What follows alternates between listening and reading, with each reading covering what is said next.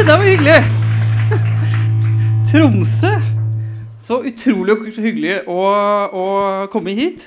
Først og fremst, tusen takk for en fantastisk eh, NN3-serie dere har gjort. Dere har vært fantastiske rollemodeller for alle oss ambulansearbeidere rundt om i Norge.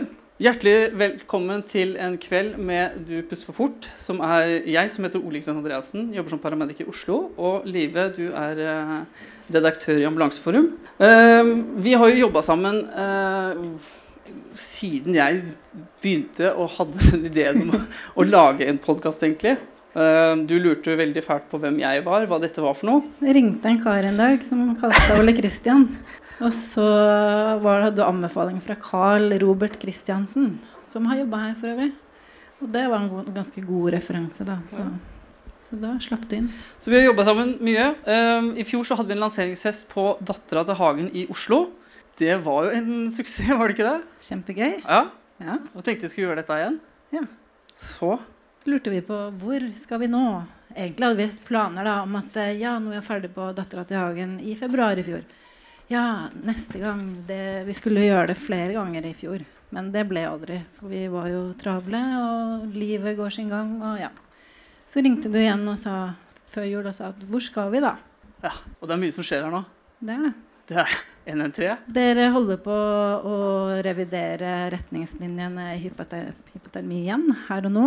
Eller i disse dager, hørte jeg. Så kanskje vi får høre noe om det seinere i dag. kanskje. Og så har dere som første ambulansetjeneste i landet begynt med antibiotikabehandling. Og en ting til. Ja, vi er veldig nervøse. Paramedisinstudiet, Paramedisinstudiet, selvfølgelig. Ja. Veldig spennende. som starta i høst. Yay!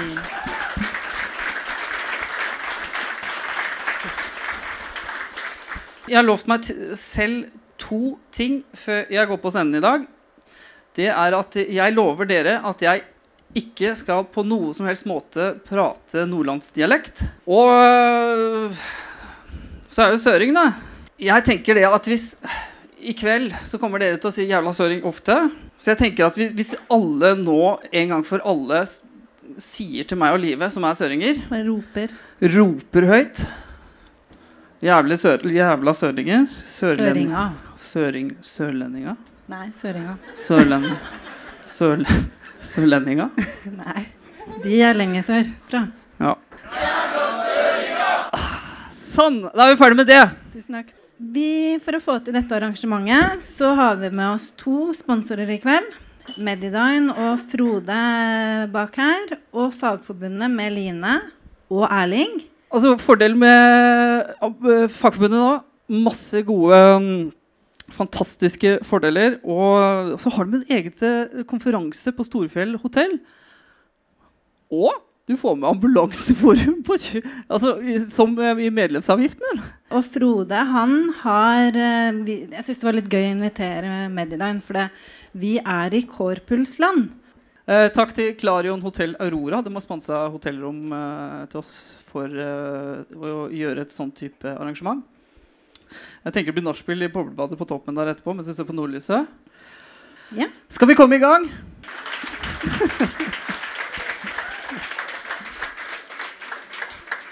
Så i dag begynner vi med The Up and Comings. Førstemann ut er Fredrik Alfheim.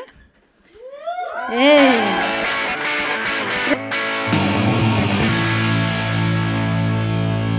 Fredrik Fredrik er paramedisin Du kan få lov å sitte der, ja. Paramedisinstudent i Tromsø, første kull. Du er stifter og leder av eh, studentforeningen TROPS. Tromsø prehospitale studentforening. Og du vil fortelle om forventninger til studiet, og hvordan eh, studiet er bygd opp, og hva TROPS er. Ja, Er du på? Nei, på. Ja. Stemmer. Ja, dette, dette var veldig koselig. Jeg ser jo ingen her, da. Nei, det er en fordel, det. Er du nervøs, du òg? Nei, man merker jo litt at det er, eh, at det er mange som kommer av det. Så det er kanskje ikke helt på ditt nivå, det tror jeg Nei, ikke. det er bra. Du, eh, Fredrik, du var en av de 24 første i verdenshistorien som går på paramedisinstudiet i Tromsø. Mm. Du var en av over 1000 søkere. Eh, hva gjorde du for å komme gjennom måløyet? Eh, jeg kom inn på ordinær kvote, eh, så jeg hadde tidligere studie som selvfølgelig hjalp litt på. Men det er jo en populær studie, da, så man må jo ha gode karakterer, ha førerkortet, du må bestå fysisk opptaksprøve, og så ha litt flaks blanda inn i alt det her, da, så, så kommer man inn. Mm. Hvorfor valgte du akkurat paramedisinstudiet, da? Hva var bakgrunnen for det? Ja, eh, nei, Jeg er veldig interessert i det medisinske faget. da. og når man får paramedisin nesten servert, så, så kan man på en måte bidra i et, et fagfelt som er under utvikling. Man kan være med å påvirke selv, og det syns jeg er veldig spennende. At, vi er litt prøvekaniner, men vi er også sentrale i utviklingen. Så det, hva, hva, studerte du før? hadde tatt før? Ja, jeg har studert osteopati. Mm. Så jeg har gått ett og et halvt år der. Men etter at vi ble ferdig med anatomifysiologi, så skjønte jeg hva, det, hva jeg syntes var spennende med det studiet. Så da hadde jeg lyst til å fortsette med det. Og så er det fysisk test, da. Ja. Hadde ikke jeg forstått i dag? Nei. Tjukken, sier de. ja, altså den fysiske testen er jo kanskje um, mer et filter enn det er en reell test, da, føler jeg. Uh, altså, er man i regelmessig aktivitet uh, så er det ikke noe problem å løpe en 3000 på 16 minutter, som er vel det vanskeligste kravet. For noen av oss, da. fall. Men samtidig så skal vi på en måte, som vi ser i NN3-serien, vi skal bære folk ned trapper, så du må på en måte kunne være i form til å gjøre det du skal gjøre. Så det er på en måte en, ja, et slags filter for å kunne få lov til å utøve kunnskapen du lærer, da. Men, men, tror du at du ble testa både fysisk og uh, litt sånn eh, hvordan du samarbeider når du hadde den fysiske testen? Altså når jeg møtte opp uh, i Oslo Met, så var det midt i VM. da, Så de veilederne mine gikk jo rundt med mobilen og så på kamper. og vi ble egentlig overlatt mye til oss selv, så det var ikke mye samarbeidstester i Oslo. I hvert fall. Jeg vet ikke helt hvordan det ble gjort i, i Tromsø. Um, men det er jo klart at uh, det å jobbe i team er jo vesentlig, så kanskje man burde involvere det inn i, inn i opptaket, det også. Hvordan er paramedisinstudiet så langt? Nå har det gått litt over et halvt år. Ja, jeg er veldig fornøyd. Vi har uh, veldig flinke lærere. Tør ikke å si noe annet når halvparten sitter her i dag, men uh, det var også en av grunnene til at jeg valgte Tromsø. Sykehuset ligger rett i nærheten, og vi har forelesere som uh, avlegger doktorgrader. Um, vi har overleger, og uh, det er uh, veldig veldig bra fagmiljø for akuttmedisin i Tromsø i tillegg. Så um, veldig fornøyd og innfridd alle forventningene jeg har hatt hittil. Hva er det som har vært det vanskeligste i studiet hittil, da? vi hadde EKG-seminar nå for noen uker siden. Eh, og vi har Knut Fredriksen i eh, akuttmedisin som forventer at vi skal kunne mer enn å bare sende inn EKG til eh, kardiologen. Så det er klart når vi skal begynne å forstå fysikken bak, og hvilke padser som sender hvilke signaler, og hva de ulike strekene betyr, da begynte det å, å det litt. Og dette på første året, altså? Ja. Vi skal selvfølgelig komme tilbake til det. Men uh, det var vanskelig. Det var, uh, vi har ikke akkurat lyst til å skuffe Knut ellers. Det var mange som droppa, droppa Champions League-kampene som var uh, denne uka der, for å være forberedt til neste forelesning. Hva med praksis, da? Har dere vært ute i praksis allerede? Vi har det. Vi har hatt observasjonspraksis både før jul. Så hadde vi to dager på, eller vakter på akuttmottaket. Og så hadde vi to vakter i ambulansen og en på AMK. Så det var veldig spennende, hvor man får um, sett litt av hvert i ulike perspektiver. Og etter jul nå så har vi vært uh, på legevakten, og så har vi hatt et seminar med de øvre enhetene i uh, primærhelsetjenesten. Mm. det er veldig spennende. Og så skal du jo mer ut i, i praksis. Eh, hva er dine forventninger til eh, den kommende veilederen din, som kanskje her sitter i salen? Ja. Eh, nei, altså det jeg liker best med paramedisin, er kanskje at man må bli utfordret, og at man må levere. Eh, så det at eh, veilederen er eh, klar over hva vi kan, da, og på en måte pusher oss og forventer litt ut ifra det, eh, sånn at vi også lærer mer, det, det er kanskje noe av det jeg ser mest frem til. Og så er det jo det å på en måte møte tilstandene, sykdommene, som vi har lest om i et år når vi kommer ut, da, og faktisk få lov til å gjøre noe med det. da. Setter det på knager. Ja. Ja. Så dere skal i lengre praksis eh, før sommeren eller etter? Ja, når vi er eh, ferdig eh, med andre semestre og går i sommerferie, så starter vi da tredje semester eller andre året med litt uh, undervisning, og så går vi ut i en uh, lengre praksis. Mm. Hvordan? Hva sånn da? Hvor lang uh... Den blir vel på ti uker, hvis ikke jeg husker helt Ja, Thomas gir tommel opp. mm, mm. Så det blir ti uker hvor vi er Og ja, gjør det vi studerer for å, for å bli, da. Så det blir gøy. Hva er drømmen etter endt utdanning? Um, jeg er nå kanskje litt nerd, da. Jeg har lyst til å forske litt. Um, og være med på å, å finne ut av nye ting da, som jeg syns virker veldig, veldig spennende. Og paramedisin så har du på en måte et fagfelt som er vidåpent, hvor vi kan forsyne oss av eh, hva vi vil. Så eh, det er min, min store drøm, egentlig. Du sier allerede nå at du har lyst til å forske, og da er vi jo på en måte med, i riktig retning da, med en, et sånt type studie.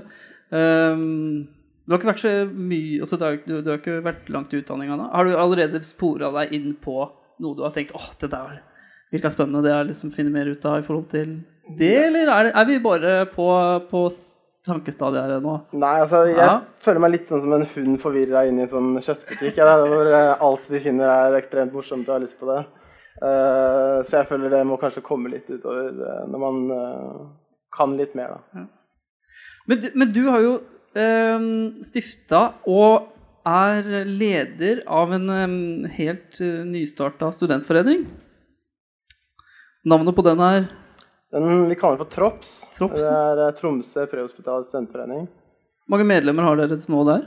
Eh, vi har jo fått med alle i klassen, eh, så vi er 24. Og så har vi til og med fått med oss eh, eh, etter en litt ivrig eh, rekrutteringsansvarlig, som har fått med seg en fra sykepleien, en fra odontologi og en fra medisin.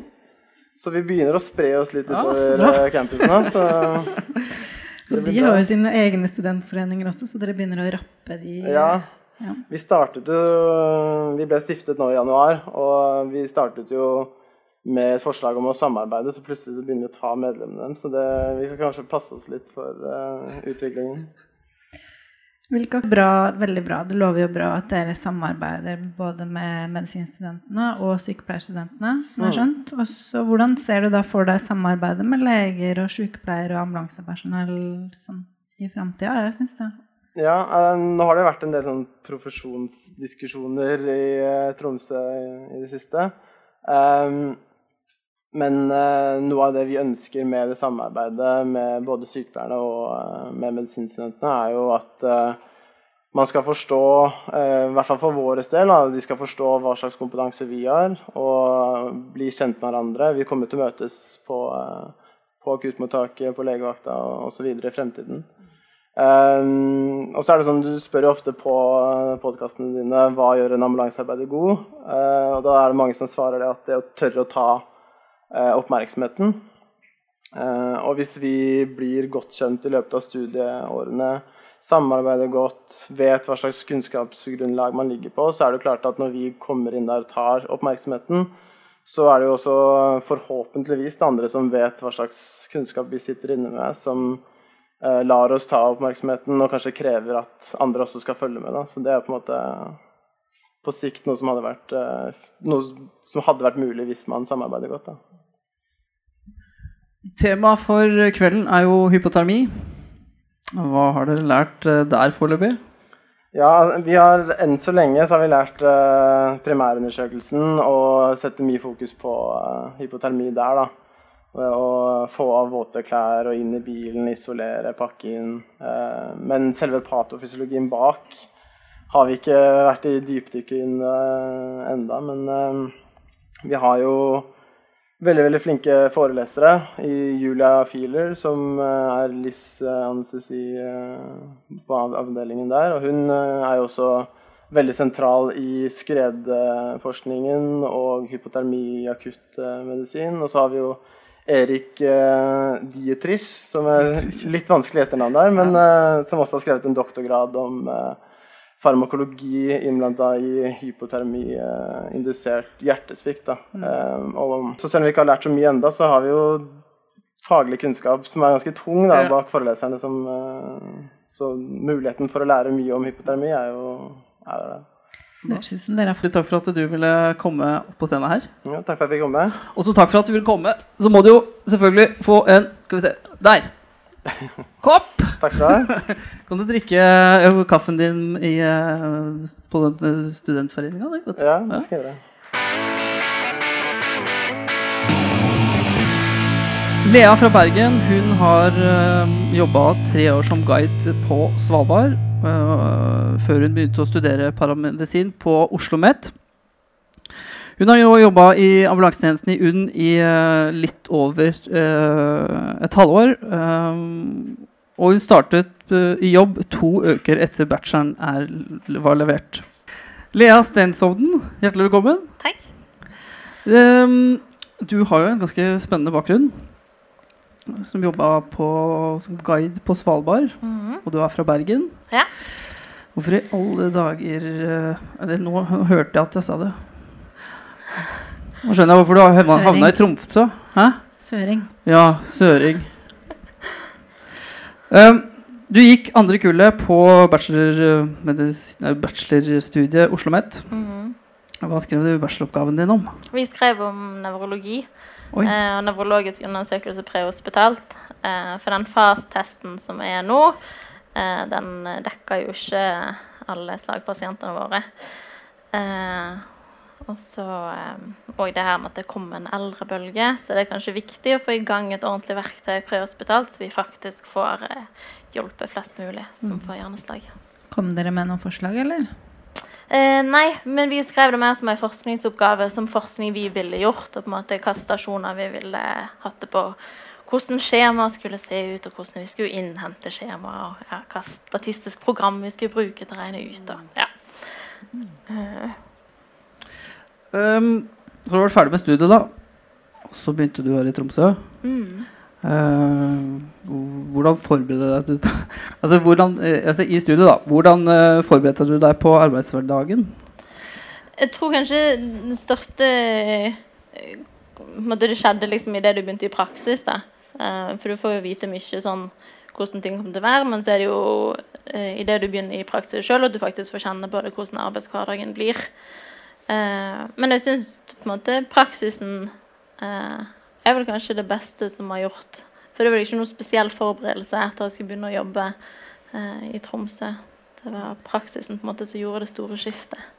Ja, ja for du hadde, du hadde, levert for to uker siden du, når du begynte å jobbe her. Ja, men jeg hadde mm. vært i praksis her i tredje klasse. Mm. Så da hadde jo allerede i begynnelsen så vi, var vi som tredjemann på bil, og så i løpet av praksisperioden så gikk jeg over til bare å være to stykker på bil. Så da hadde jeg på en måte allerede fått prøvd det her med arbeidshverdag. Jeg fikk lønn, da. Det var det nye. mm. Hva har du hatt mest igjen for i møte med arbeidshverdagen av det du lærte? da? Var det praksisen, eller var det andre ting? Det er nok eh, Det er jo kombinasjonen eh, med teorien fra skolen som gjør at du på en måte forstår mye av det du ser. Eh, men så trenger en absolutt praksisen, for det går sinnssykt treigt i hodet i begynnelsen når du skal ut og begynne å jobbe. Det er som om det går i sirup. Så ja. jeg kjenner igjen den i arbeidshverdagen min sånn ellers, hvis jeg har to uker ferie. Ja. Kommer tilbake på jobb. Da går det sirup oppi her òg. Det sitter sikkert en del veiledere i salen her. Hva er dine beste tips til de som skal være veileder for eh, studenter?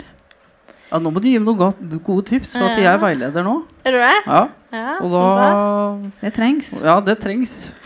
Min eh, veileder Elene på Ullevål, det var liksom første veilederen min, da. Hun eh, er litt utålmodig, men hun var kjempeflink til å gi meg liksom, de ekstra sekundene for at hodet mitt skulle klare å finne ut hva, hva jeg skulle gjøre neste, hva som var neste steg, da. Eh, så det var veldig fint at jeg fikk liksom Det fikk lov å kverne eh, en stund før eh, sånn at jeg kunne gjøre det meg sjøl. Og så selvfølgelig det her med å bli, bli pusha. For hun visste jo hva jeg kunne. Hun hadde vært veileder før. Um, så hele tida legge på nye elementer. Så når hun skulle begynne å stille spørsmål samtidig jeg skulle legge på eh, ta EKG det var ganske utfordrende i begynnelsen. da stokka det seg masse. Hørte ikke hva pasienten sa. Måtte gjenta spørsmålet flere ganger. Og, Um, men hun var tålmodig, da. Ja, ja. Det var Så tålmodighet og, og gi rom for tid, rett og slett der det er mulighet. Ja. Jeg tror de fleste kjenner seg igjen i kanskje det, sånn eh, de som har lærlinger og, og studenter.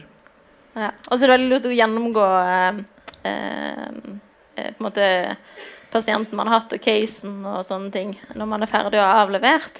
Eh, I forhold til ting man kan bli bedre på, og ting man kunne gjort annerledes. Og bare sjøl på liksom de minste og korteste oppdrag, eh, hvor liksom egentlig Du har kanskje hatt sam, samme casen tidligere, eh, men man finner som regel alltid noe som man kan bli litt bedre på, eller jeg kunne jo gjort det, eller gjort ting i en annen rekkefølge, eller ja.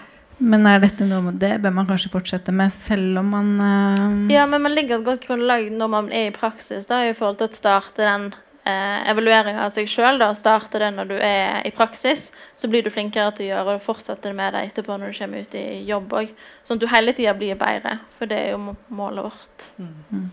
Før du skulle komme hit i dag, så sendte jeg en sånn eh, ja, en liten forskningsstudie fra Sverige, faktisk. Mm. 'Treat me nice'. Eh, og spurte om det var noe der som var relevant for, eh, for det, de opplevelsene du har, da. Ja, det var det um, eh, Det her med liksom å føle seg trygg på stasjonen. Og føle at man kunne stole på de man jobber med. Uh, og det her med å, å tørre å snakke ut. For det jeg er kjempefint, i hvert fall her i Tromsø, at uh, vi har ofte sånne morgenmøter. Eh, og vi har eh, en øvelse som går annenhver uke. Og det liksom å tørre å svare selv om du kanskje ikke er 100% sikker på eh, svaret ditt. Eh, at det er lov å liksom snakke selv om det kanskje er feil. Eh, men òg det at du vil bli hørt da, og, eh, ja, av de som er rundt deg. Mm. nå kommer du fra en helt annen utdanningsprofil enn den man er vant til. Eh, hvordan ble du tatt imot av dine kolleger her i Tromsø? Eh, jeg tror alle sammen Nå var det jeg ei som hadde begynt Hva det blir da? Hun begynte vel i august, kanskje. Ei som gikk første kullet. Eh, og da på høsten, da, i september-oktober, så hadde jeg tre uker praksis. Eh, og da var det jo mye snakk om at det var et spennende studie, og at de skulle begynne å få det Da var det på en måte bestemt at det skulle komme her i, i Tromsø òg. Um, så folk syntes det var spennende. Og selvfølgelig noen som òg er, litt skeptiske i forhold til at er nytt studie og veit liksom ikke helt hva vi kan og hva vi har vært igjennom. Og, ja. Men det er jo akkurat det samme som jeg møtte i Oslo da jeg var i praksis der òg. Så Litt skeptiske kollegaer i starten. ja, noen. Ikke alle, selvfølgelig. Noen. Ja. Hvordan har læringskurven vært da fra mm, du starta på jobb eh, her i Tromsø, til der du er i dag? Eh, etter de første oppdragene jeg gjorde her i Tromsø, så var det jo litt travelt. Det var jo praksis, da. Da var det litt travelt. Eh, og så sa jeg at jeg skal ikke vi spørre om leiebilen. Eh, så ser de på meg og bare Nei, helikopteret er ute og flyr. Og da var det bare oss, da. Så da var det vi som måtte ordne det. Så det er kanskje en ting som er litt sånn kontrast. At her må vi ofte klare oss med Selv om det er en bytjeneste, selv om det er mye ressurser, så må vi klare oss mye alene med dårlige pasienter. Eh, som har vært på en måte en overgang, og selvfølgelig spennende og veldig veldig lærerikt. Eh, men det er, det er færre ressurser å spille på her enn hva det var i Oslo. absolutt. Ja. Så, Så er jo jeg har vært Oslo Met er jo veldig teoritungt eh, studie. mm, Eh, og meninga med det er jo på en måte at du skal ha få praksisen etter hvert. Da. Så Ja. etter et år eller to så er du på en måte eh, har nok praksis til å på en måte fungere eh, Ja, hva skal jeg si for noe? Ja, det var sånn som Læringskurven på en måte skyter jo i været på første praksis. Ja. Og så er det andre rutiner, og ting er bygd opp litt annerledes her i Tromsø. Så det å komme hit det gjør jo òg at på en måte, læringskurven går rett i taket. Og så begynner man å komme borti en del av de samme casene eller samme på en måte pasientene. Og, og, og så plutselig så stagner, Det stagnerer jo ikke, du lærer jo litt hele tida, for all del. Jeg er jo ny. Eh, men så kommer det liksom sånn som nå har jeg fått gitt Solokoteff to ganger på ei uke, og det har jeg ikke gitt før. Og det, sånn, det føles skikkelig bra, da. Um, så det er liksom sånn, noen sånne uh, milepæler som kommer sånn innimellom. da Som plutselig ja, har fått gjort noe jeg ikke har fått gjort før. Og det føles veldig godt. For du får jo ikke sånn som i, i praksis så får du et sånt flott dokument så det står at du skal være gjennom liksom, side opp og side ned med ulike typer behandlinger og tiltak. Eh, og det er jo helt umulig i dette yrket å få det til. Eh, for du vet jo aldri hva du får eh, på en arbeidsdag, liksom hva du skal rykke ut på. Eh, så eh, det er nå, nå begynner det heftet å fylle seg, selv om jeg egentlig er ferdig med det heftet for lenge siden. Men så er det fremdeles mye jeg har ikke vært igjennom. Mm. Er det nok praksis i løpet av studietiden, eller burde det vært mer? Eh, Det skulle jo alltid vært mer. Sant? Vi skulle jo gjerne ønske at uh, vi fikk være mer i akuttmottak òg, bare for å lære mer innhospital. Vi skulle ønske vi kunne hatt praksis i sånn innhospital hvor vi leverer pasientene, hvor drar pasientene våre videre. Uh, man hadde selvfølgelig kjempegodt av å vært uh, Nå har jeg vært heldig, jeg har sånn Ullevål og Tromsø, det er der jeg har hatt praksis og jobber nå. Men mer i distriktet for å ha pasientene over flere timer. Men så er det da på en måte Du får jo ikke pasienter så ofte. En venninne var i eller jeg i klassen min var i praksis i tre måneder og hadde det tre ganger akutt. Det er jo nesten ingenting. Det blir jo på en måte liksom Ja. Så Og så skal det være masse teori òg, da. Så jeg tror på en måte folk må være litt tålmodige med oss når vi kommer ut. At vi, vi trenger noen år på å bli, på å bli skikkelig gode. Så lurte jeg på, utenom å være reality-stjerner og det som er her oppe, hva annet er de gode på, sånn faglig? Eh, jeg har liksom ikke følt at det er noe som utpeker seg veldig. Men måte, hypotermi er jo alltid et faktum, det som på en måte er temaet for i kveld. da. Uansett om det er sommer eller vinter eller uansett, så må jo man alltid tenke på det. Eh, og så har jeg vært litt uheldig i forhold til at jeg aldri har fått gitt antibiotika prehospitalt ennå. Eh, men jeg har nå sett eh, statistikken på det, eh, og det er man god på. Eh, å få, få, få gitt en del prehospitalt. Um, også nå uh, i forhold til hjertestans, så er det jo mange som uh, God overlevelse innen de første 30 dagene her oppe ifra, i hvert fall. Um, ja, men, måte, en, ja. men det er kanskje litt med at vi bytter makker hele tida. Uh, og har liksom masse forskjellige caser, så det er liksom ikke én spesifikk ting enn så lenge. Så. Har du noen faglige forbilder? Eh, jeg må jo si at jeg syns Karl Robert er kjempedyktig. da. Han var jo lærer for oss, og du intervjuet han i første podkasten. Og det var han som holdt førstehjelpskurs for meg på Svalbard første året jeg var der oppe. Som gjorde på en måte at eh, jeg ble litt interessert, da, han fortalte om studiet og sånne ting. Så det var det som gjorde at jeg flytta derifra. Um, så jeg må nok si han, og han er så sinnssykt engasjert òg. Det er veldig gøy. og så har jo vi en som um, eh, gikk første kullet i Oslo. Han er redningsmann og jobber her oppe. Og det er jo på en måte kjempeflott at eh, noen kommer så langt. Og, eh, og det å få lov å møte han ute på oppdrag òg nå, det er ikke, ikke helt et for, ja, Magnus. Ikke helt sånn et forbilde, men det er veldig Det er sinnssykt bra da å ha noen som har kommet så langt. Han er jo også norgesmester, han. Mm, Ja, det er en av de gutta der.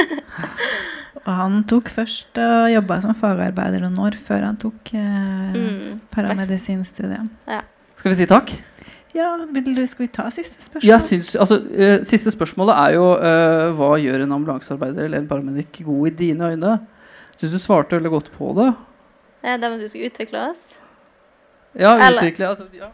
Ja, nei, det tenker jeg er liksom en viktig ting, da. At eh, vi blir aldri ferdig utlært. Ehm, at vi hele tida skal tilegne oss ny kunnskap. Så, og da må jeg få lov å komme med et refs avdelingslederen her i Tromsø. Han sier at eh, ambulansetjenesten i Tromsø den skal bare være god nok. Og det syns jeg er skikkelig dumt når du har 24 studenter som eh, higer etter å bli dritgod. Eh, at man på en måte må legge lista litt høyere, sånn at vi har alle sammen at vi har noe å strekke oss etter. Eh, og samme sånn for min egen del at jeg skal jobbe sikkert 30 år til, da. Jeg har jo ikke lyst til å gi meg noe, jeg har jo lyst til å bli bedre hele tida. Det er jo liksom det som må være målet. Så bra. Du, eh, Lea Steinshovden, hjertelig takk for at du ville komme. Takk for meg. Og så Jeg har ikke Altså, det jeg gjorde av research på deg da før vi kom hit Mhm. Det var et par mail og sånt nå. Selvfølgelig skal du få en kopp. Uh, men eh, du også du, du sier at du er mye ute og sånt nå. Så det jeg fant på til deg, det er Ja. Fjellgeit-Lea får du en kopp til å stå på. Takk. Vær så god. Tusen Takk takk. for at du kom på scenen. Det var veldig gøy. Amen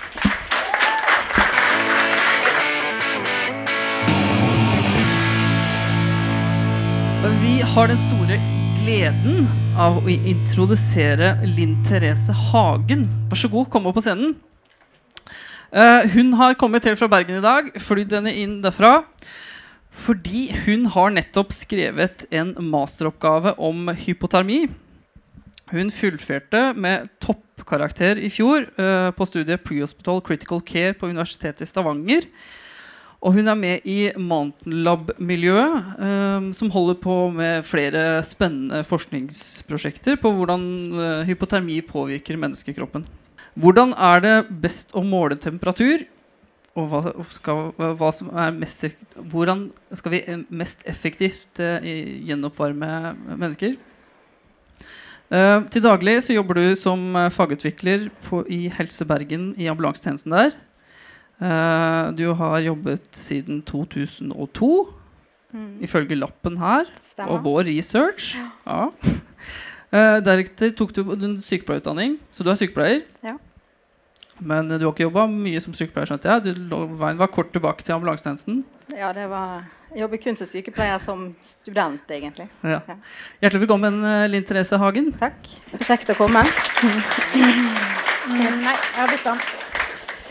Ja, du er faglig utvikler i Helse Bergen, men det som er spennende, som vi synes, har lyst til å høre litt om, er masteren din på Prehospital Critical Care, for du var på det første kullet. Ja. Dere var 14 som fullførte i sommer, var det ikke det? Jo, Det stemmer, det. Eh, og hva måtte dere egentlig gjennom? Ja. Ild og vann. Eh, ja. eh, vi starta jo på noe som vi ikke visste hva vi gikk til i det hele tatt. Em, vi hadde sett at dette studiet kom, em, og det sto bl.a. at det var helt fint å kombinere dette med full jobb. Jeg Tror eh, mange fikk litt bakoversveis. For det er jo det vi har gjort. Vi har jobba 100% og så har vi tatt en master eh, 50 utenom nå, på eh, fire år. Eh, og det har vært fryktelig travelt. Eh, utrolig spennende. Vi har fått lov å lære av eh, så utrolig dyktige folk at eh, jeg føler meg virkelig privilegert som fikk lov å gå der. Altså.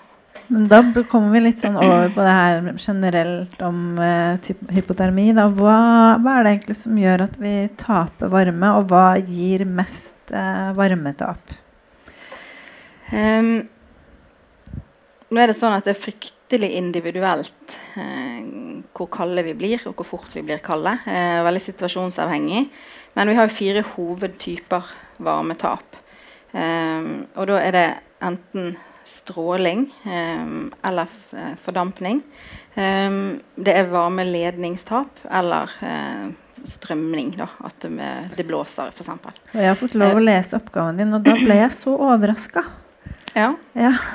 Mm, Jeg fikk en uh, tekstmelding midt i søndagsmiddagen.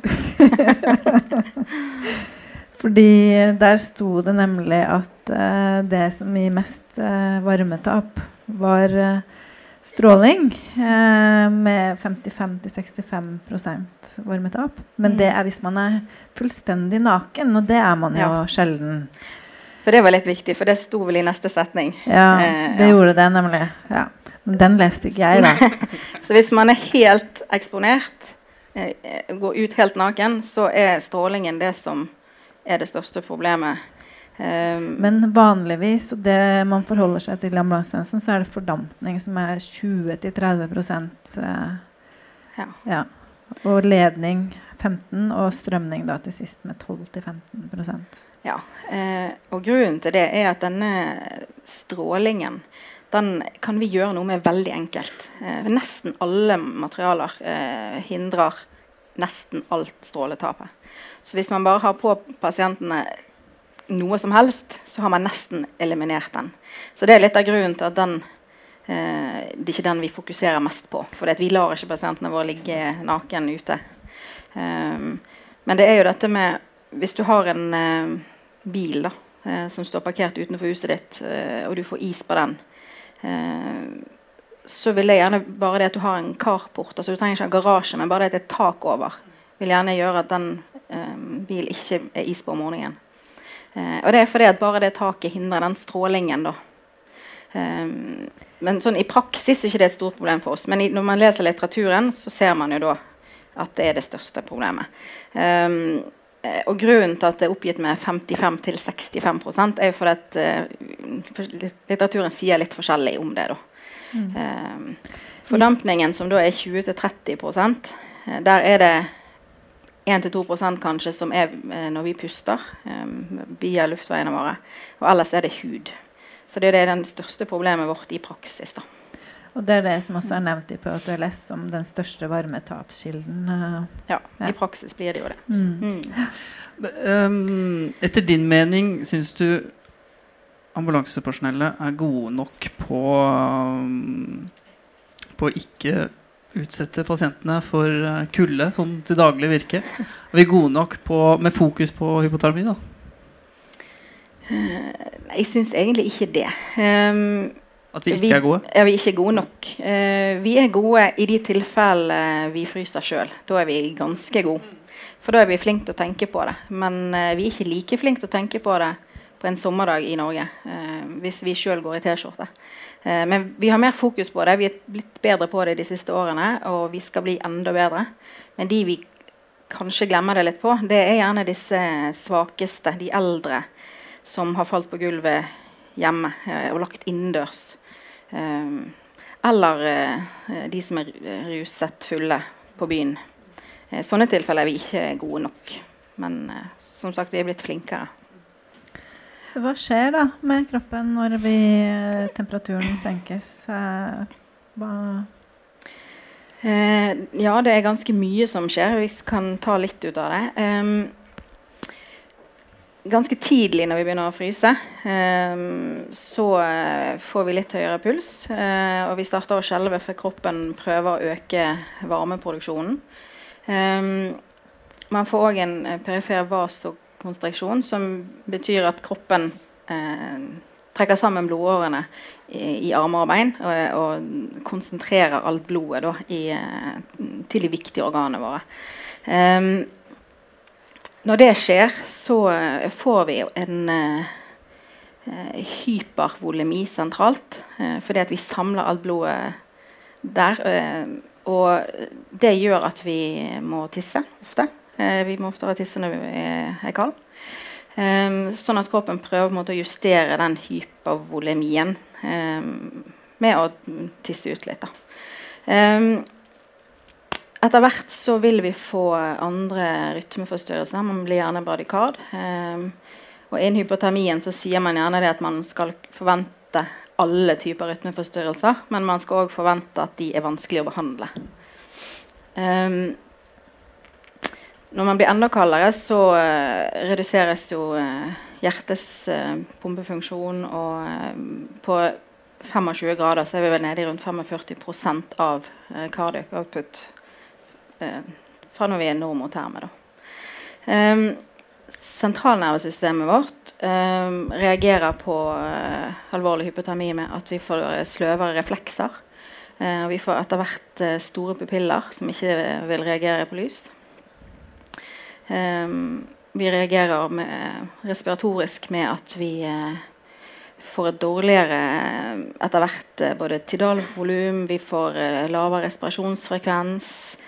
Um, elastisiteten i thorax blir dårligere, og den generelle lungefunksjonen blir dårligere. Um, samtidig så minsker vi òg oksygenbehovet. Uh, sånn at vi tåler jo uh, at vi puster seinere på en helt annen måte når vi blir kalde. Ja, I forhold til metabolisme og sånn, så nyrene har vi allerede vært litt inne på dette med sånn kuldediorese. At de jobber hardt i starten for å kvitte seg med Eh, med væske. Eh, og etter hvert så vil det stoppe ganske mye opp. Man kan òg bli eh, for høyt blodsukker pga. mye av det som skjer i kroppen. Um, ja, nyrene jobber da dårligere fordi etter hvert at uh, etter hvert så går sirkulasjonen dårligere, de får mindre blod. Uh, ja, så blir vi sure pga. at nyrene jobber dårligere. Um, ja, så det er ganske komplekst. Eh, koagulasjon blir dårligere, og blodplatene våre virker ikke som de skal. Eh, ja. Så det mye som skjer i kroppen når vi blir kalde. jeg tenker, Det tok vi ikke til å begynne med, men altså eh, hypotermi, regner man det fra ca. 35 grader, da? Eller eh, er det så? Ja, det er stort sett uh, forskjellige Litteraturen sier litt forskjellig her òg, men det er stort sett under 35 grader ja. de fleste er enige om. da. Det viktigste er at man har altså det er jo forskjellige typer inndeling. Det viktigste er at man har noe å forholde seg til i forhold til uh, hvilke retningslinjer man skal følge. Uh, så at man bruker den samme inndelingen i samme tjeneste, er i hvert fall viktigst. Da. Man snakker om dødstriaden ved traume. Hva, hva, er det? Traumepasienter så uh, De som blir alvorlig skadet, de vil få etter hvert utvikle en hypotermi som ikke da en det er ikke en hypotermi som årsak, men de blir hypoterme etter hvert. Eh, noe som gir en eh, acidose. Dvs. Si at man, eh, blodets pH-verdi blir eh, lavere, og man blir eh, sur. Eh, får en opphopning av syre i kroppen. Eh, og så er det da koagulopati som er den siste ut av disse tre. at man blør mer eventuelt, og at blodet ikke leverer seg som det skal. At man får problemer med å stoppe blødninger. og disse tre vil påvirke hverandre veldig negativt. Men det er hovedsakelig med traumepasientene våre at dette blir en spiral, kan man si. da, Der de hele tiden påvirker hverandre til å bli verre og verre. da. Mm. Mm. Termostaten skrus av, og så starter de andre tingene som følge av det? på en måte, eller? Ja, så Disse tingene tenker man jo skjer veldig parallelt da, med en en pasient som er alvorlig skadet. Sånn I forhold til temperatur, hvor langt ned i forhold til koagulopati når, når uh, man begynner å få en del blødningsfare og at platene begynner å slite og, og klebbe seg. Snakker vi altså én grad ned, altså 36 og 35, eller snakker vi lavere? Vet du noe det? Vi vil i hvert fall ikke ha traumepasientene våre under 35. Det vil vi i hvert fall ikke. For vi vet jo det at skadde pasienter eh, blir sykere og dør mer hvis de blir kalde. Um, så vi skal tilstrebe å holde de uh, normoterme hvis vi kan. Det er kjempevanskelig, men vi skal i hvert fall ikke ha de under 35. Aktiv oppvarming. Vi, snakket, vi var så vidt innom det. Aktuelt her, da. Uh, ECMO.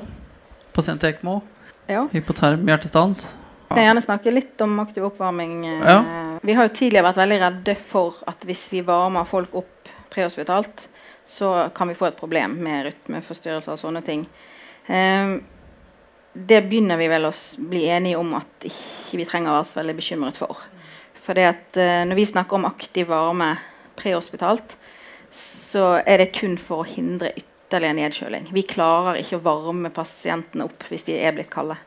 Så å tilføre aktiv varme prehospitalt er kjempeviktig, og det tror de fleste begynner å bli enige om nå. Og så er det jo sånn at man har forskjellige muligheter der. da. Der finnes uh, kjemiske varmetapper med noe sånn jernoksid som reagerer med oksygen. Uh, der finnes eh, kjemiske varmepakninger med sånn metall som må kokes. Um, der finnes elektriske varmetepper, um, både batteridrevne og som man trenger å plugge i noe sted. Forsvaret driver med sånn kull, forbrenning av kull. Og så er det da eventuelt eventuelt varmeflasker, varm luft, sånne ting. Så det finnes utrolig mye forskjellig. Og de studiene som har sett på disse tingene, eh, klarer vel ikke å si nødvendigvis at noe er bedre enn det andre. Men, så det går litt mer på praktisk da, hva man skal velge å ha i en tjeneste. Eh, og økonomisk, selvfølgelig. Eh, det er gjerne noen av dere som har hørt om Banak-modellen. Eh, det er jo en modell for innpakning eh, av hypoterme pasienter. Um, der prinsippene er at man skal ha et damptett lag innerst mot pasienten. Eh, og så skal man ha et isolerende lag, og så skal man ha noe ytterst som er vind- og vanntett. Eh, og spesielt da hvis man ikke får de inn i en bil med en gang. Eh, poenget med dette er ikke nødvendigvis at uh, man skal anbefale spesifikt utstyr. Uh, det er prinsippene som er viktig. Uh, I forhold til det damptette laget, om man velger å bruke bobleplast for det er det man har, eller man velger å kjøre rundt med en rull med svarte søppelsekker og pakke pasienten inn i, så er det viktigste at man, prinsippene bak det. da. Det isolerende laget kan selvfølgelig være ambulansetepper og dyner. hvis vi har det. Er vi ute på tur, så kan det være dunjakker eller soveposer. Ja. Så poenget er i hvert fall den tanken om at uh, innerst mot pasienten skal vi ha damptett lag for å hindre fordampningen. Um, og så skal man da isolere de og sørge for ytterst at ikke de blir kaldere. I tillegg så er det viktig å påpeke at Eh, man ikke glemmer liggeunderlag under pasienten uh, og huet på pasienten. Det kommer på en måte på toppen. da. Um, jeg hadde en foredrag med en redningsmann. Jeg tror han jobba på Dombås. Ja. Mm. Og det første han alltid gjorde når han henta pasienter på fjellet, det var eh, Tok han av seg den fæle lua hans, så sa han 'Hei, vær så god, her er lua mi', sa han. Eh, og Poenget med dette damptette laget, da, hvis jeg skal si noe om det For eh, jeg har vel sett at eh, i UNN sin så står det ingenting om det, så vidt jeg jeg har bare lest den ganske kjapt. da. Uh, men sånn som vi ser det, så har det vært ganske viktig. Um, hvis man tenker seg at uh, man står i dusjen og, og, tar seg en dusj, og så blir man god og varm inni der, og så åpner du dusjkabinettet ditt, og så blir man kald med en gang. og det er jo litt av det som skjer med denne fordampningen. Sant? Fordi at man når du står inne i dusjen, så blir den luften som er inne dusjen, den blir ganske mettet av fuktighet. Og vil ikke da stjele noe varme fra deg. Mens når man slipper den ut og får en tørrere luft, så vil man få et varmetap igjen. Og Det er akkurat det samme som skjer med pasientene våre. rett og slett. Så Derfor er det ganske viktig med det damptette laget innerst. Eh, skal vi si noe om ECMO eller ECLS? Uh? Kan ja. du ta det kjapt? Ja. Um, ECMO um, um, det er jo en hjerte-lungemaskin, eller en enklere form for en hjerte-lungemaskin. Eh, disse hjerte-lungemaskinene startet jo med at man gjerne brukte inne på operasjonssalet etter sånn åpen eh, thoraxkirurgi. Eh, mens en ECMO-maskin er en litt enklere type.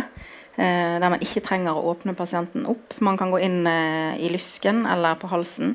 Eh, og noen typer kan man gå gjennom huden, at man ikke trenger å åpne noe i det hele tatt.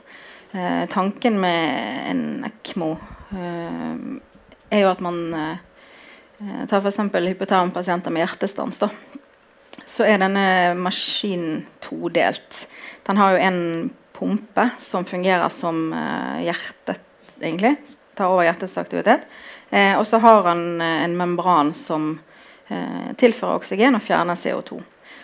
så da kan man på en måte koble helt vekk hjerte og lungene til pasienten. Eh, man kan få det oksygenert og pumpe dette rundt i kroppen samtidig som man eh, varmer blodet opp eh, og tilfører pasienten varme. Mm, så varmer de opp på den måten. Jeg var innom uh, luftambulanse luftambulansen her oppe i dag. Mm. Uh, og snakka med Torvin Nesheim, og han sa det at de har jo Om den sto Det vet sikkert dere. Om den sto den ECMO-maskina står på basen eller Uh, de hadde ECMO-team Ja, de hadde ECMO-team som de på hele tida. Så at de kunne bare, bare fly over til Bodø og hente en ECMO-pasient der og få lagt mm. den på ECMO. Og... Ja. Så tror jeg det er planer om å starte ECMO prehospitalt sånn også mm. her. Det er i hvert fall muligheter for det, for disse ja. maskinene er jo blitt uh, mye mindre. Mm. og en del forenkla. Sånn at nå finnes det jo bærbare varianter der man kan gjøre det ute. Ja, Den var så stor. Mm. Så veide den 12 kilo var det det han sa? Ja. ja. Så det her kommer. Mm. Um, litt av grunnen for at vi også valgte hypotermi og i Tromsø osv., det er jo at uh, her er det satt uh, verdensrekord i gjenoppliving fra lavest temperatur. Um, vi har jo noen kjente case. Nå nevnte du når jeg snakket med deg på forhånd her, at det har kommet noen flere mm. som kanskje muligens er enda lavere, men det er ikke enda sånn forskningsmessig publisert. da. Nei, og det er jo litt sånn i denne verden at hvis ikke det er publisert på en ordentlig måte, så er ikke det en ny offisiell verdensrekord. Uh, så den som står fremdeles per i dag, det er hun Anna uh, fra Narvik her, da, som var 13,7 grader. Uh, og ble resuscitert og har det ganske fint i dag. Fungerer som, Jobber jo som lege sjøl. Ja. Um, Uten varige menn, faktisk. Ja. og det var jeg da i 99. Og så mm. var det en svensk jente, syv år gammel jente, i 2010 som, Stella? Ja, Stella. Um, der rapporterte media om at hun hadde 13 grader, så man så jo for seg at her var det en ny verdensrekord. Men når den ble publisert, så var det 13,8. Så det er fremdeles Anna som leder den, da. Da står det feil i Wikipedia nå, bare for å si det. ja. Det her er research vi har gjort uh, i de siste dagene. Mm. Uh, men, så fikk jeg høre om Det er en tid tilbake, et års tid siden, tror jeg kanskje enda mer. Så fikk jeg høre om en en til. En liten gutt uh, fra Polen som heter uh, Adam. Adam. Mm. Uh, I 2014 så eh, ble han eh, resuscitert fra eh, den er ikke publisert ordentlig, så det er, den, det er, derfor den ikke er helt offisiell. Men media har rapportert med både 12,7 og 12,2. Så der er ikke de helt enige. Så det blir veldig spennende å se når den blir publisert. da. For det, det, blir en ny offisiell verdensrekord. Ja, De opererer med 54 og 55 Fahrenheit, som ja. da er sånn ekvivalent til det. Mm. Eh, desember det også. Det skjer oftest i desember, det her. Eh, han vandret ut om natten fra bestemora si og ble ja. funnet morgenen etter av en eller annen. Ja, hun og ble funnet en politimann eh, i bare pyjamasoverdeler pyjamasoverdel og sokker. Eh, Minus sju. Og de antar at han har, har eh, gått i søvne. Mm. Minus sju grader og ja. Og han Ute. Eh, spaserte sjøl ut av sykehuset og har det ganske fint i dag. Det er jo helt fantastisk. Hva er forutsetningene for å overleve en så kraftig nedkjøling? Eh, det hjelper jo at man er ung. Um, uh, og det hjelper at man gjerne ikke har vært nedkjølt så lenge. Eh, og så er det selvfølgelig en kjempeforutsetning at vi som treffer på disse pasientene ute, ikke gir oss. Eh, at vi gir dem god behandling hele veien inn, sånn at vi har mulighet til å varme dem opp. Mm. For det kommer vi også over. Det er, jeg tror verdensrekorden er 6,5 timer ja, med mm. kompresjoner. Ja, det og det, ja, at det har gått helt fint. Mm. Det er rått. Ja. Og da er det jo vi som treffer de ute. Ja. Mm. Er det best å bli dritkald først, og så drukne? Eller å bli um eller drukne og så bli kald etterpå? Um, nei, Det er en forutsetning for at dette skal gå bra, at man blir kald først. Ja. Før man uh, slutter å puste. Uh, for da først kan vi bevare hjernen. Hvis vi blir drukna først, og så blir kald, så hjelper det dessverre ikke. Så det er trikset. Bli kald først. Hold deg over vannflaten til du er ordentlig kald. Den er god. Det er den case på fra i Sverige som ikke er så gammel. Den skal jeg skrive om i neste nummer. Den er veldig spennende. Skal vi se I 2016 så ble det laget en uh, nasjonal retningslinje for håndtering av aksidentell hypotermi. Og det, veilederen din var da på masteren. Han var lederen for den gruppa. Og hva er egentlig hovedelementene i den retningslinja? Eh, hovedelementene er vel at det er anbefalinger på hvordan man skal eh, forholde seg og behandle pasientene helt fra den første pasientkontakten til pasienten er levert på endelig sted. Om det er legevakt eller lokalsykehus eller eh, regionalsykehus. Um, og så er tanken bak at det skal være en mal som gjelder for alle. Om man er helsepersonell eller ikke. Så den er skrevet for alle, om det er frivillige organisasjoner. Alle kan bruke den. Eh, men de forskjellige kapitlene har en avansert del som er for helsepersonell i tillegg. Da. Men tanken er at man skal ha noe som alle kan bruke. Mm. Har du en pasienthistorie da, som du husker litt sånn godt eh, i din eh, hverdag fra Bergen, som har gjort inntrykk på deg? Um, ja. Eh, jeg hadde spesielt en som vi ble tatt litt på sengen av. Som, det var en rusmisbruker som hadde overnattet litt utilsiktet på et av byfjellene i Bergen. Han hadde tatt seg en tur opp på et fjell i da, dongeribukse og småsko um, mens det var en sånn tre-fire grader ute. Og uh, ordentlig bergensvær. um, ble da funnet av disse første morgenfuglene som skulle ta en løpetur på fjellet før jobb om morgenen. Um, så vi visste ikke helt hva vi gikk til, men vi kjørte ut for å møte de. Eh, og heldigvis for oss så hadde jo de skremt denne stakkaren på beina eh, og kom gående ned mot oss. For det, ellers Så måtte dere ha tatt en båre opp Stoltsen og Ja. Jeg vet ikke om noen er kjent i Bergen, men eh, Stoltsen er det er ikke den enkleste plassen å hente ut pasienter. drømmeoppdrag. Ja. um, det som var veldig fint for oss, var jo det at uh, som sagt, han kom gående ned. For hadde vi funnet, eller kommet helt fram til pasienten, så hadde jo ikke vi tørt å bevege på han. For han var såpass kald hadde lagt ute så lenge at da hadde vi vært nødt til å bære han ned. Så det var jo kjempefint for oss at han allerede kom spaserende ned. Eh, hadde det egentlig ganske greit. Han følte seg ikke så kald sjøl. Eh, han var litt sløv, men det var jo på en måte å forvente av denne typen pasient. Så det var litt vanskelig å si hva som var hva. Men eh, vi fikk han i bilen. Eh, Eh, han fikk lov å måle rektaltemperaturen sin sjøl, for han var såpass våken. Vi fikk av han klærne og pakka han inn, og sånn, og så fikk han måle temperaturen sjøl. Jeg husker ikke nøyaktig, men det var 29, et eller annet. Så eh, som sagt, vi hadde ikke latt han gå hvis vi fant han sjøl. så vi var heldige med den. Hva gjør dere i Helse Bergen for um, varmekonservering og, og hindre hypotermi? Har det noe fokus? Um, Utenom det vanlige? Vi er egentlig veldig i startfasen på det. Vi har mm. ikke noe spesielt utstyr. Um, er det pga. deg, eller? Uh, at vi ikke har det? Nei, at, vi... at, det er at, Nei. at det er i startfasen, altså det begynte å få fokus nå? Uh, ja, vi har jo vært noen som har ønsket å ha fokus på det en stund. Ja. Uh, og så må man jo få de som sitter med pengesekken, med på et par ting. Sånn er det jo i denne bransjen. at uh, Man kan ikke bare si at vi ønsker oss sånn og sånn. Men eh, vi begynner nå, eller vi holder på nå å jobbe med Og vi har begynt å, ja, begynt å få ut utstyr for innpakning mm. eh, på en litt annen måte enn vi har hatt før. da. Mm. Men vi er ennå ikke veldig gode på det. Ja. Men sånn, hva er planene da for både passivt og eller eventuelt aktiv oppvarmingsutstyr? Har dere det? Eller planer for det? da? Eh, foreløpig så har ikke vi noe utstyr for aktiv varme i Bergen. Um, nå sitter vi og jobber felles, eh, alle fagutviklerne i Helse Vest, uh, og uh, tenker at vi skal bli enige om en anbefaling som vi da skal komme med til våre ledere. Uh, og I den forbindelse har vi jo sett på forskjellige typer. men som jeg sa litt i sted, så går det litt mer sånn på hva er praktisk å ha inn, hva er økonomisk. For det at sånn effektmessig så er det er lite som skiller de forskjellige alternativene. Da. Men vi ønsker i hvert fall å ha noe felles da, for eh, Stavanger, og eh, Fonna, Bergen og Førde. Så bra. Tusen, tusen uh, hjertelig takk. Ja. Linn Therese Hagen. Du det, hva, hva, er det står på koppen til Linn Therese? Det får du lese ja. høyt sjøl.